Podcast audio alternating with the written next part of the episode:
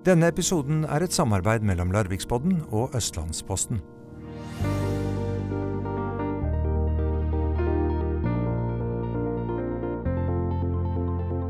Fredag denne uken er siste frist for de innbyggerne i Larvik som vil si noe knyttet til planene som vil definere utviklingen i Larvik for den neste generasjonen. Da går nemlig høringsfristen ut for kommuneplanens arealdel og kommunedelplanene for Larvik by og Stavern by. Jeg heter Erik Werner Andersen og er journalist i Østlandposten, og i dagens Larvikspod snakker vi om intet mindre enn Larviks framtid. Det skal jeg heldigvis ikke gjøre alene, og en som skal være med oss i hele denne sendinga, det er deg, ordfører Erik Bringedal. Og jeg har lyst til å begynne med å spørre deg om hvorfor det er så viktig at folk engasjerer seg i denne prosessen. Jo, det er viktig akkurat for det du sjøl innleda med å si, at nå legger vi jo egentlig premissene for hvordan byen vår skal utvikles de neste tiåra, vil jeg si. Selv om en, eh, en kommunedelplan blir ajourført og, og, og, og, sånne ting, så er det jo veldig viktig at vi legger en del premisser nå. Så Derfor er det viktig at vi får med folk. Det er nå det er viktig å si hva vi mener. og Derfor har jeg lansert dette her som den store samtalen. Og den uh, håper jeg at flest mulig kan ta del i. Mm. Og nå skal vi ha den lille samtalen om den store samtalen. Ja. um, jeg har fulgt det politiske Larvik uh, de siste ti årene, og i den forbindelse så har jeg sett veldig mange byråkrater legge fram veldig mange planer uh, til ymse reaksjoner fra politikere. Eh, men når arealplanleggerne i kommunens planavdeling har snakket om den såkalte sentrumsstrategien i kommunedelplanen for Larvik by, ja, da har entusiasmen fra de folkevalgte vært til å ta og føle på. Og, og, vi er så heldige at vi har to av de som har stått tettest på denne prosessen til å fortelle oss om nettopp denne sentrumsstrategien. Camilla Fjellvik Paulsen og Ole Sandnes Riser. Takk for det. Ja, Kan dere fortelle litt om sentrumsstrategien? Ja, det kan vi. Eh, altså, eh, sentrumsstrategien skal jo være en langsiktig plan eh, for åssen vi vil at Larvik skal utvikle seg, eh, altså som, som bysentrum. Eh, som, som, ordføreren sa, altså det er jo en langsiktig plan for, for mange Gjerne for mange tiår, og så er det med den som annet at den kan jo også justeres og ajourføres underveis. Men, men, men sentrumsstrategien er en en langsiktig plan med mål om at flere skal bruke Larvik sentrum, da, og at Larvik sentrum liksom skal være det attraktive tyngdepunktet i kommunen. Det er den, den overordna. Ja. ja, det er jo 2040 som er satt som tidsperspektiv for eh, planen. Um, så den legger jo opp til at, uh, at Eh, man skal gi en retning eh, for sentrumsutviklinga, eh, og at prosjekter kan koordineres og, og føre fram til en helhet, trinn for trinn. Det er jo viktig å huske på at sentrumsutvikling, det er ikke noe som skjer Sentrum er ikke ferdig utvikla over natta. Det her er noe man må ha et langsiktig perspektiv på. Eh, og det er det sentrumsstrategien eh, forsøker å sørge for, at man kan gjøre eh, prosjekter underveis som samla skal føre til en, en, helhet. For å si det på en litt enkel, enkel måte. Ja, og i denne strategien så er det en rekke nye begreper, ny, en ny måte å organisere hele sentrum på. Kan dere si litt sånn mer detaljert om det? Ja, eh, altså den strategien den består jo av, av tre sånne, si, sånne overordna prinsipper for åssen eh, byutviklinga i Larvik skal være framover. Eh, så da kan jeg jo begynne med å fortelle litt om det første prinsippet, eh, som vi kaller for samle. Altså det å, det å, å gjøre Larvik som by enda mer kompakt. Eh, Larvik har jo veldig lenge vært en eh, Altså Larvik har et, et forholdsvis stort bysentrum til å være en ganske liten by. Eh, funksjonene er sånn spredt litt utover. Eh, men, men, eh, det vi vet da, altså fra forskning og erfaring, er at um, folk syns som regel det er greit å gå inntil 500 meter. Um, og det er ca. fem minutter. Sånn at for å, for å, skape et bysentrum i Larvik som oppleves som liksom kompakt nok og med nok aktivitet, så er det viktig at vi får samla så mange som mulig funksjoner innafor en sirkel på ca. 500 meter, da, med utgangspunkt i Torvet som, som sentrum. Eh, så det er liksom det første prinsippet, det å samle funksjoner eh, så mye som mulig. Eh, og da er det f.eks.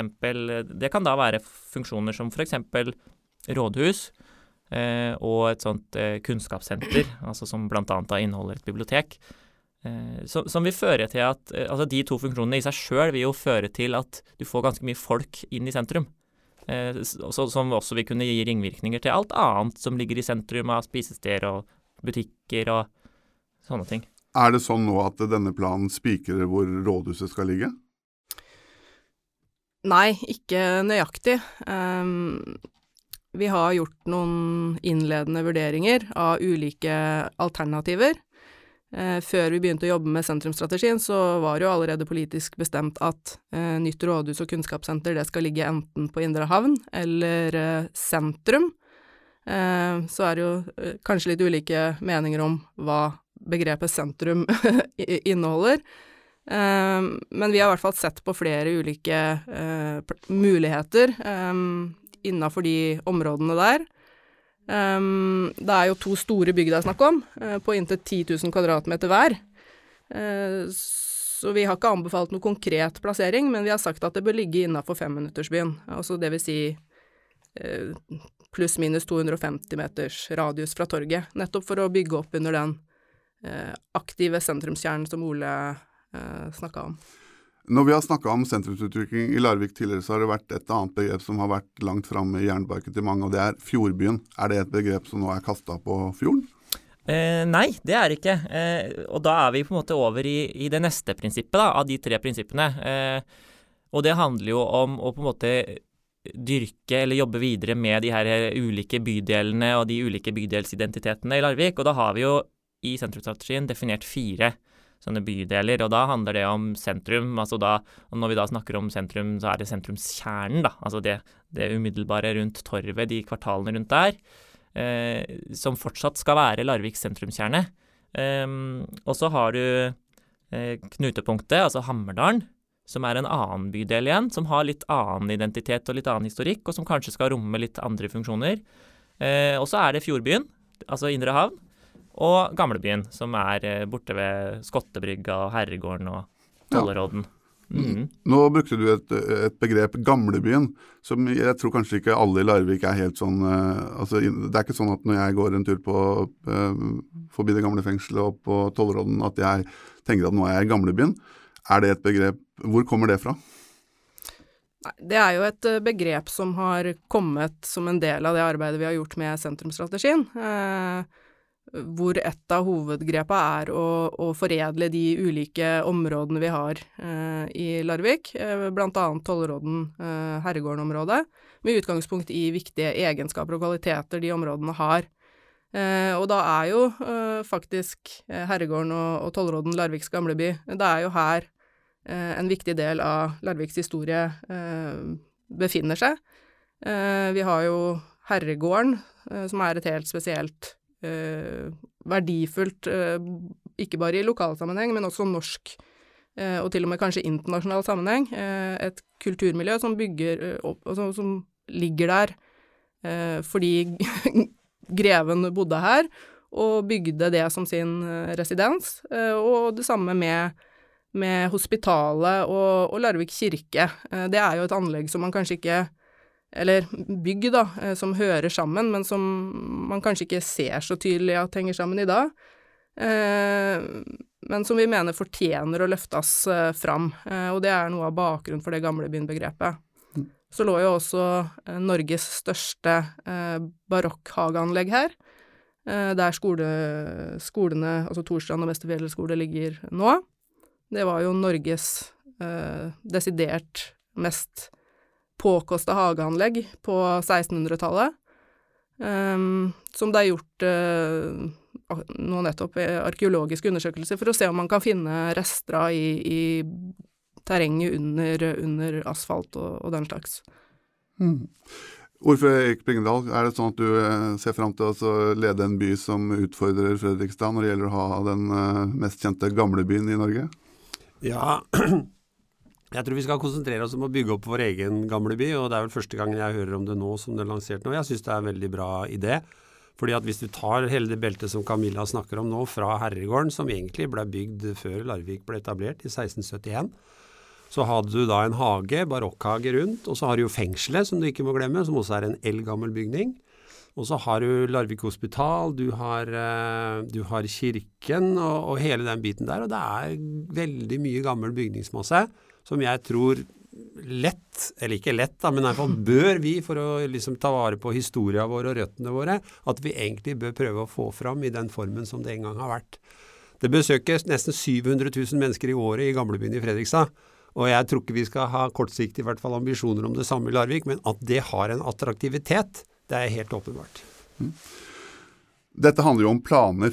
Eh, kan dere si noe altså Larvik kommune er ikke en kommune som har det største eh, vingespennet når det gjelder å, å, å ta økonomiske eh, tunge løft. Eh, hva skal til for at man klarer å fylle disse planene med noe mer enn eh, ord? At det også blir realisert? Er det mulig å si noe om det? Nei, altså Det, det som, som, er viktig å huske på um, når kommunen legger, legger fram en sånn sentrumsstrategi, er jo at det, eh, det er jo ikke sånn at kommunen liksom skal finansiere utviklinga eh, helt og fullt. Det er jo en strategi som på en måte skal være en rettesnor for all utvikling i sentrum. Eh, både de private prosjektene, altså private eiendomsutviklere som, som skal gjøre noe med sine eiendommer, eh, men selvfølgelig også for kommunale prosjekter. Da. Eh, og da er det jo sånn at, at eh, kommunale investeringer er jo et viktig virkemiddel i utvikling av et bysentrum. Eh, sånn at de investeringene kommunen skal gjøre i sentrum, da, de, de skal jo da også bygge på den sentrumsstrategien, og, og kan også bidra til å eh, gjøre det lettere og mer attraktivt for de private å, å investere. Sånn som f.eks. det å, å, bruke penger på eh, bibliotek, eller altså kunnskapssenter. Da. Og det å kunne Altså det å, det hvis, hvis, kommunen viser at vi har vilje til å satse på bysentrum, så gjør jo det selvfølgelig noe med attraktiviteten i bysentrum for folk, altså for folka i kommunen som skal bruke sentrum, men også for andre investorer som ser at her er det en kommune som satser på sentrum, det har vi også lyst til å være med på. Og det vil også gjøre det hva skal jeg si da, eh, mer, mer lønnsomt for oss å satse. Ja. Eh, nå vet jeg at denne planen det er ikke noe som altså Dere har vært sentrale i utformingen av den, men det har, en, det har vel vært en prosess hvor andre aktører også har vært involvert allerede nå. Eh, kan du si noe om hvem er som har på en måte bidratt til å utforme denne planen? Nei, det stemmer det. Altså, det her er jo øh, forslag som, som, ligger inne Altså, mye av det som foreslås i sentrumsstrategien, er forslag som bl.a. er henta fra ulike mulighetsstudier og arkitektkonkurranser og, og ulike tanker som er tenkt uh, tidligere, hvor har, vi har forsøkt å, å, samle essensen av det og sette de uh, ulike tankene inn i en sammenheng. Eh, og så hadde vi jo også en egen medvirkningsprosess eh, hvor eh, flere ulike aktører var med. det skjedde i, på vårparten 2019. og da var jo Sentrumsforeningen, Næringsforeningen, ulike velforeninger, ulike interesseforeninger, Stiftelsen Tollråden, ja, det var, det var en, en, god gjeng uh, som jobba med helt konkrete problemstillinger som vi har fulgt opp i, i sentrumsstrategien som foreligger nå. Så jeg tror mange kommer til å kjenne igjen en god del fra det arbeidet vi hadde sammen. Mm. Ordfører, du, jo, du kommer jo fra næringslivet selv, eh, har lang erfaring derfra. Du har eh, sikkert litt sånn pulsen på Larviks næringsliv. Har du noen idé om hvordan denne planen blir mottatt av de som skal fylle mye av det som eh, kommunen ser for seg? Ja, det de har fått av tilbakemeldinger så langt er faktisk veldig positivt. Altså det er klart En sånn plan er veldig omfattende. Alt fra de store vyer med gamleby og, og og verksgården og hele pakka, til mer detaljerte bestemmelser om mønehøyder og sånne ting. Så det er klart det, det fenger et stort spekter av interessenter. Men den tilbakemeldingen jeg har fått så langt, har vært veldig, veldig positiv. Ja. Nå er det jo som sagt, høringsfristen går ut på fredag. Eh, mange har allerede begynt å eller sagt meningene sine. Eh, noen sitter sikkert og skriver nå. Eh, hvor viktig er, holdt jeg på å si, hvor spikra er disse planene i kommunens hode, eh, og hvor åpen er dere for å bearbeide innspill og ta de med dere i neste runde? Nei, det er vi jo veldig åpne for. Eh, vi som sitter og jobber, som, som ordføreren nevnte, så er jo det her et eh, omfattende arbeid som er gjort, og det er enkelt at man f.eks. kan gjøre en feil. Eh, vi er jo bare vanlige mennesker som sitter og jobber med det her, og da er det veldig viktig at vi får tilbakemelding om eh, helt sånne enkle feil som vi har gjort, sånn at vi kan rette opp det. Og så er det jo Hvis vi ser at det er temaer som, som det er mange som gir tilbakemelding om, om, det samme, så skjønner jo vi at det her er noe vi må, må se på en ekstra gang og gjøre uh, flere vurderinger av. Uh, for å se om det faktisk ligger noe i de tilbakemeldingene vi har fått, da.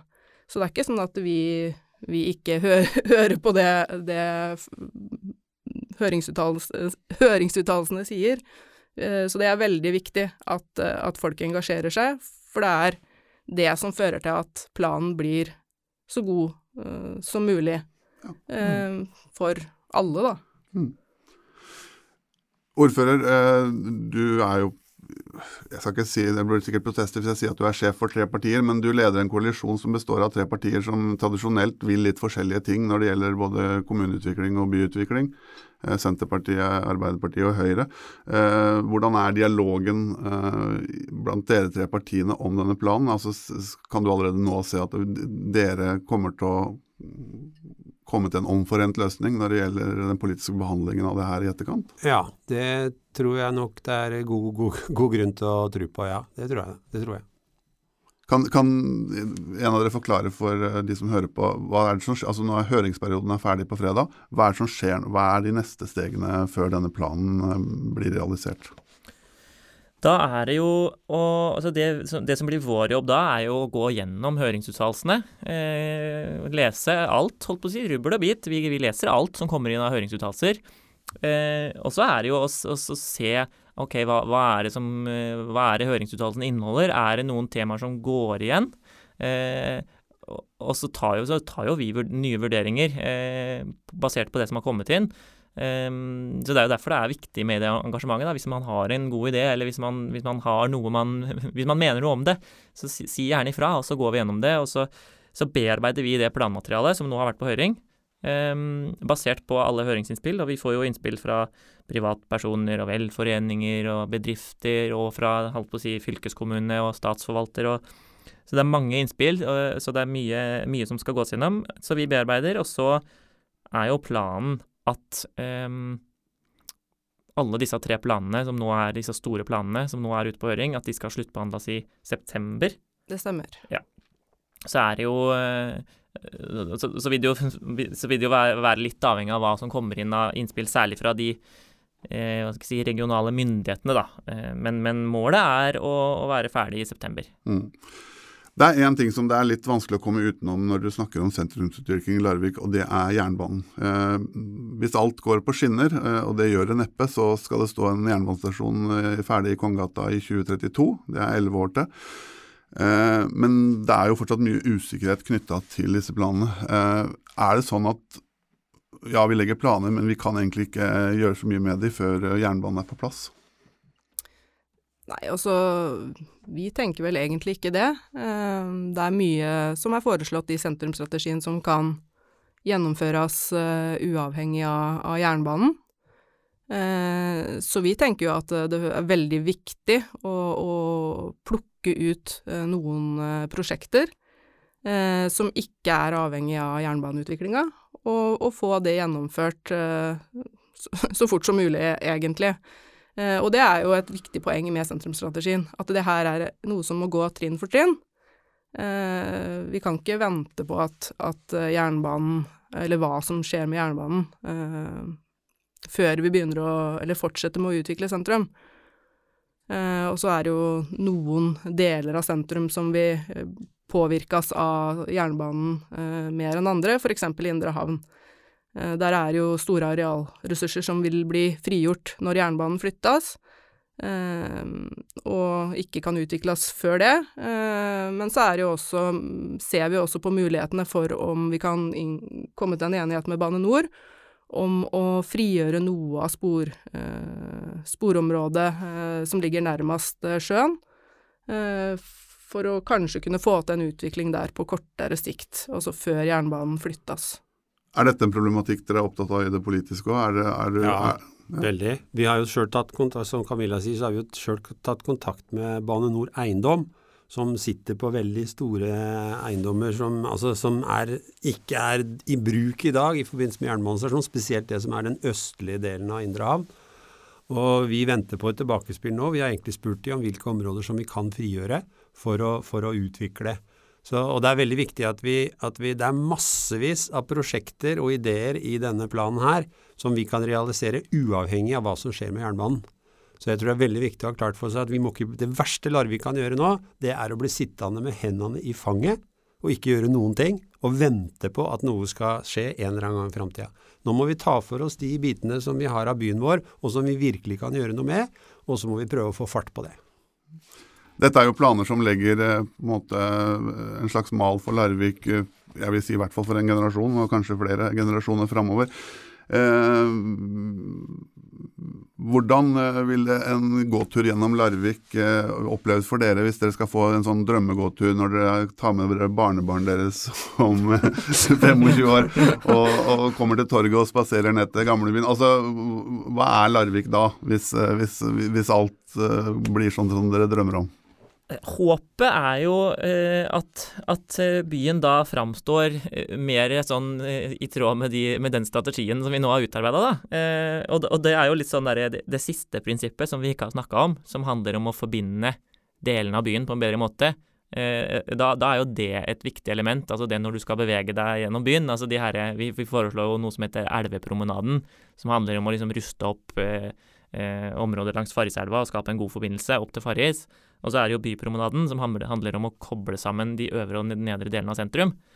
Fra torvet, eller fra, helt fra badeparken egentlig, og nedover til torvet og ned til, til Indre havn. Og så er det jo den strandpromenaden, da, som, som, jo mange bruker i dag allerede, fordi den er på, måte, på, på mange måter opparbeida, delvis i hvert fall, mellom Batteristranda og Smistranda. Så håpet er jo at når man beveger seg gjennom sentrum, så, så er de her gangforbindelsene på plass med litt sånn høyere kvalitet på byromma. Eh, det er eh, Altså, man kommer til de ulike bydelene og, og opplever at det er eh, masse innhold, eh, og at de allikevel har et preg som gjør at de Du, altså du, du veit når du er i Indre havn, eller Fjordbyen, og du veit når du er i sentrum, eh, og, og, at du, du, opplever at det er tilbud hele veien som gjør at du Det er en by som, har, som syder litt mer da, enn den gjør i dag. Mm.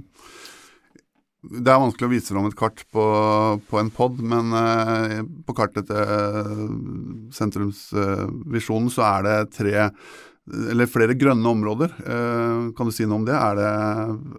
er det tenkt på dette med grønne lunger? Absolutt. Eh, og det, det er f.eks. når det gjelder Indrehavn, fjordbyen, eh, så, så, legger jo sentrumsstrategien opp noen langsiktige tanker rundt altså hva, man kan fylle den bydelen med. Eh, både av bebyggelse, men også av, av, grønne rom. Og det er jo sånn at eh, vi foreslår å, å ta vare på det grøntområdet som er der i dag.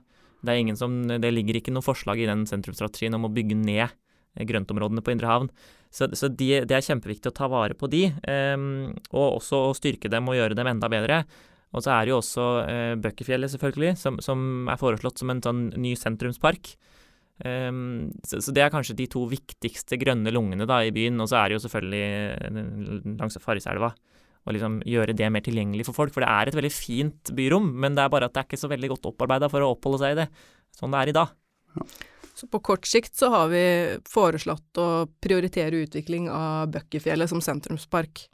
Eh, det er et område vi tror eh, har et stort potensial til å løfte eh, sentrum. Eh, og få til mer aktivitet der, eh, som kanskje er litt mer tilrettelagt for flere eh, brukergrupper eh, enn det er i dag. Da. Og da kan man jo også tenke at et sånt byrom som Bøkkefjellet, eh, selv om det er kommunens park, så betyr ikke det nødvendigvis at det er kommunen som skal finansiere hele den parken, for da kan man, da kan man eh, få til avtaler med private utbyggere da, som utvikler eiendom i sentrum, hvor de da istedenfor å opparbeide lekeplasser og, og, og grønne altså sånne uteoppholdsarealer inne på sitt eget areal, så kan man da inngå avtaler om at de istedenfor å bruke noe av arealet sitt til lekeplass, så kan de bidra inn i utviklinga av Bøkkefjellet, da, f.eks. Det er jo så, den nye ja. lekeplassstrategien uh, mm. som er en del av kommunedelplanen. Uh, at uh, utviklere som skal bygge nye boliger, f.eks., de de kan kjøpe seg ut av å ha eh, lekearealene på sin eiendom, eh, og heller bidra inn i utpekte eh, parker, eh, f.eks. ved Bøkkefjellet og Indre Havn. Eh, og kan bidra til å utvikle de områdene på den måten isteden. Eh, og Mm. da får vi kanskje både til en høyere utnyttelse i de områdene, altså i den, på den tomta som de skal utvikle til bolig, samtidig som vi får et bidrag inn til å utvikle de offentlige byrommene. Helt til slutt, eh, vi skal snart gjøre et sceneskifte her, eh, men eh, folk som hører på denne poden og som tenker at dette her, det må jeg mene noe om, hva skal de gjøre, Ole? De kan da gå inn på larvik.kommune.no, som er hjemmesiden til kommunen. Så kan de bla seg ned til der hvor det står høringer, og det er et bilde av en sånn liten megafon.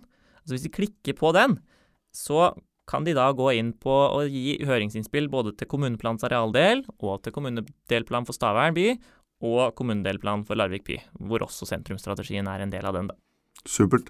Da sier jeg takk til dere to. Eh, vi har ikke større studie enn at eh, når vi nå skal få inn to nye, så må dere si farvel. Takk for oss. Takk for oss.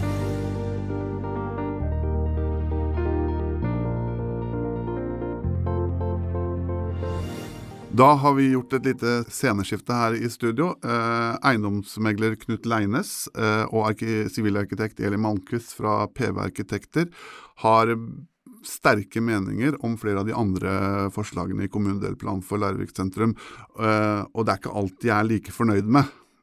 Jeg vet at begge to sitter og skriver på høringssvar nå, som ikke er levert ennå. Eh, kan du fortelle litt om det, Eli Malmquist? Ja, det kan jeg. Vi eh, bistår flere andre aktører med å skrive høringsuttalelser. Eh, kommuneplan den er jo noe av det viktigste verktøyet vi har når vi skal skape nye prosjekter i Larvik. Og veldig ofte så kommer utbygger til oss og vil at vi skal se på nye områder sammen med dem.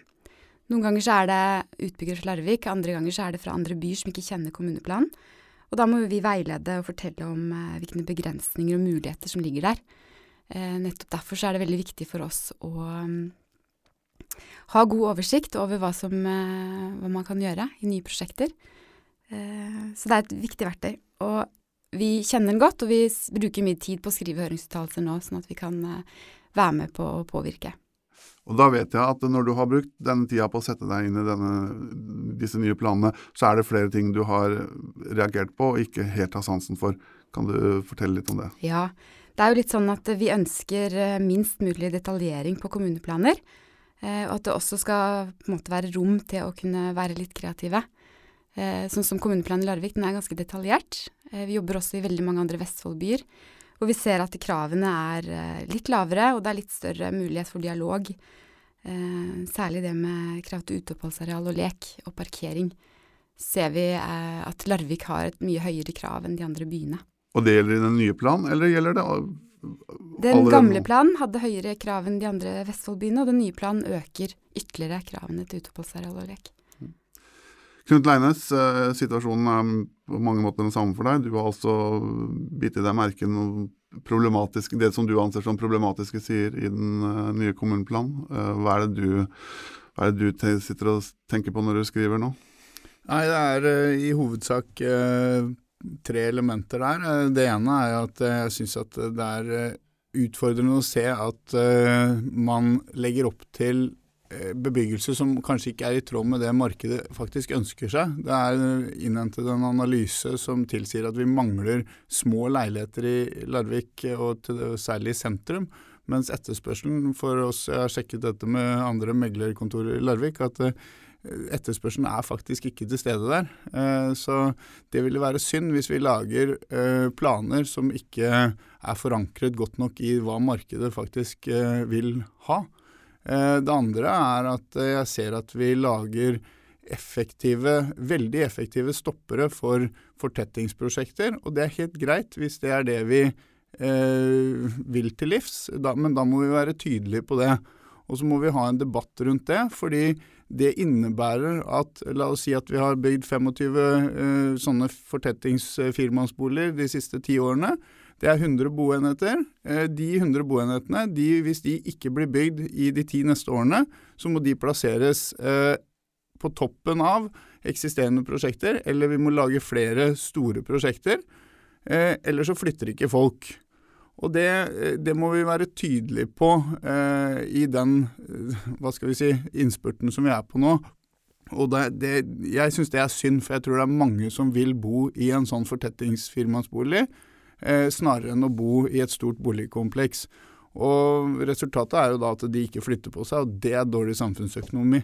Så eh, der lar man krangelen i mange av de prosjektene som ikke har blitt noe av, definere prosessen videre. Vi har ikke vært ute uh, og vurdert de firemannsboligene som faktisk er bygd, og som er fine uh, kvaliteter i området, og som naboene faktisk etterpå syns er veldig bra. Så det er de som er bygd. De, vi må la kanskje i større grad de definere hva vi skal se etter, snarere enn de kranglene som har vært. Og så er det siste at jeg opplever som hyttemegler at eh, eh fritidsboliger har en litt sånn eh, det får litt sånn stemoderlig behandling. Vi har ikke det fokuset på det som jeg syns vi burde ha i forhold til hvor stor ressurs det egentlig er for Larvik eh, som kommune. Eh, og at man turte å ta en ordentlig debatt rundt det på hva, hvor mange hytter har vi? Hvor mange hytter er det? Ønsker vi f.eks. 500 nye hytter i løpet av ti år? Og hvis svaret på det er nei, så bør vi ikke ta diskusjonen mer. Men hvis svaret på det er ja, så må vi jo definere hva slags type bebyggelse skal vi ha. Skal vi da ha f.eks. 50% nye prosjekter à la Jarehagen og 50 fortetningstomter? Eh, godt utgangspunkt eh, for tanken, tenker jeg. Men eh, noen må tørre å ta debatten, eh, og, for det skjer ikke. Og da blir det litt sånn i bakleksa. Eh, og det gjelder også bestemmelsene rundt det. Ja. Eh, ordføreren skal få lov til å kommentere mm, begge tankene. Men, men Eli, eh, hvis du kunne gjort eh, tre eller fire grep med den planen som du har lagt fram, hva, hva, er de viktigste grepene du håper kommunen endrer før dette blir lagt fram til politisk behandling? Vi håper jo at de kommer til å, å lempe litt på detaljeringsgraden i, i kommuneplanen, sånn at vi kan at, det, at, vi kan jobbe litt mer med mm, arkitektur, og at man kan At ikke det bare skal bli et slags eh, regnestykke på hvor mange kvadratmeter lek vi skal ha i forhold til parkering, og at vi kan heller få, få de gode prosjektene, da. Jeg tror markedet på en måte ønsker mer kvalitet og mer um, fokus på estetikken i prosjekter, ikke bare at det skal være et lekeareal på seks ganger seks meter som skal henge i tilknytning til prosjektet. Eh, vi er veldig opptatt av livet mellom byggene og at det skal være gode prosjekter. Og fokus på uteopphold og lek er kjempeviktig for oss. Men det hadde vært utrolig gøy hvis vi hadde fått lov å mm, bruke kompetansen vår og vise prosjektene sånn som vi ønsker å ha de. Eh, at vi hadde fått litt mer tillit da, på, på, det. At ikke de skal overstyre kravene hele tiden. Eh, det er jo en, hadde vært fint for oss, en drøm. Ordfører, kan planene til kommunen bli for detaljerte? Ja, det kan de selvfølgelig bli. Og jeg legger merke til det som Eli sier, jeg, at uh, vi ønsker jo i første rekke å stimulere, eller lage en plan som stimulerer til aktivitet og, og, og, nye prosjekter, og kreativitet, som også du er inne på. Så hvis vi legger oss på et detaljeringsnivå her som ikke fremmer sånne ting, så har vi en utfordring. Og det er jo nettopp det som er vitsen med hele den høringsperioden vi er inne i nå. Altså, Jeg kan ikke inngå i noen debatt med, med Eli og Knut på de tinga de tar opp. Jeg syns det er vettuge innvendinger. Jeg er, akkurat for øyeblikket nå, så er jeg mye mer opptatt av prosessen. At det er flest mulig som deltar, og det er flest mulig som gir til kjenne hva de mener og hva de ønsker. Jeg har ikke noen som helst hensikt nå å gå ut i en polemikk med, med enkeltpersoner om denne planen, men når høringsfristen er ferdig og ting er levert inn, og den skal opp til endelig politisk behandling, så skal vi komme på banen. Det har vi nødt til å gjøre. Ja, Bare en replikk på det Eli sa. altså Disse lekeplassene. altså Som barnefar så ser jeg jo mange lekeplasser rundt på nye prosjekter som er mer eller mindre gode. Men eh, det som gjenspeiler en del av de, er jo at de faktisk ikke er tilgjengelige for allmennheten. Og i hvert fall ikke oppleves å være tilgjengelige. Og da, når en ser på hvem som bor der, så blir det liksom litt bakvendt at vi skal bruke så mye ressurser på det, både på den enkelte eiendom Eh, og, og, egentlig også da oppta areal som kunne vært bebygd. Så det er virkelig viktig at det adresseres ordentlig. Mm. Noen som hører på nå, vil sikkert tenke at eh, Eller lurer på om du som eiendomsmegler først og fremst er opptatt av at det blir bygd firemannsboliger som du kan selge, og du som arkitekt først og fremst er opptatt av å få fritt spillerom at du kan putte inn ekstremt mange boenheter på ekstremt liten plass for å tjene mest mulig penger for de som eh, er utbyggere. Hva sier du til en som ville påstå noe sånt noe? Nei, vi er jo opptatt av balansen i prosjektet, og vi vil jo gjerne levere fra oss ting med høy kvalitet. Så det er ikke nødvendigvis eh, flest mulig bonheter som er lykken i prosjektene for vår del. Men vi ønsker å kunne mm, stå inne for og være stolte av det vi leverer fra oss. Og noen ganger så kjenner vi at vi går litt på akkord med det vi egentlig kunne ønske å tegne, da. Så mm, Ja. Knut?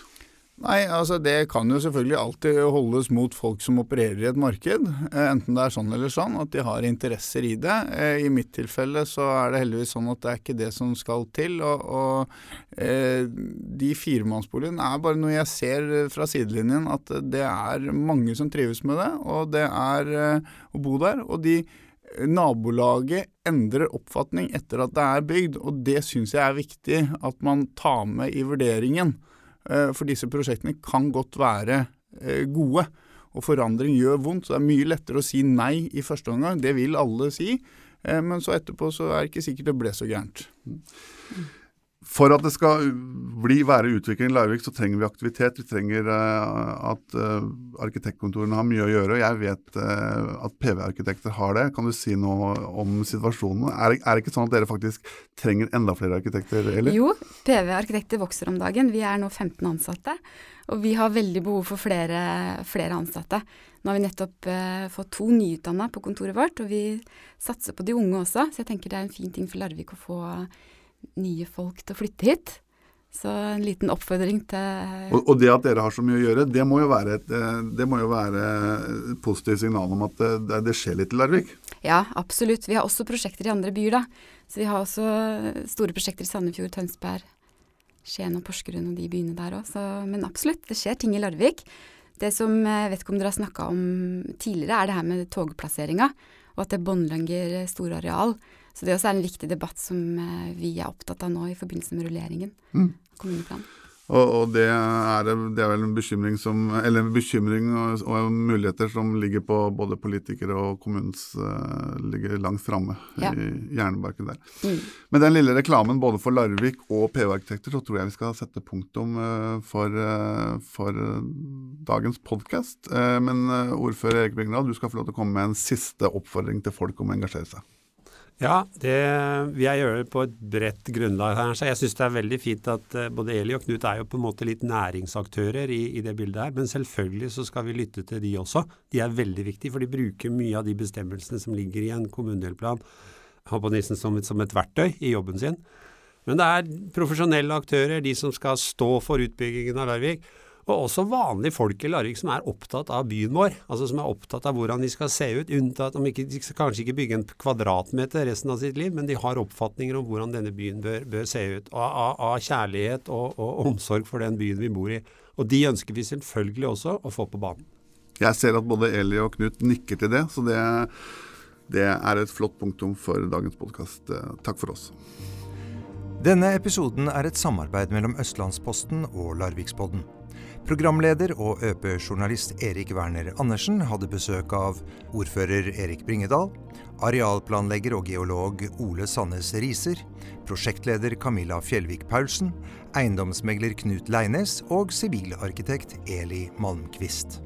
Ansvarlig for denne podkasten er Østlandsposten, teknikk Geir Atle Johnsen og produsent Virvel AS.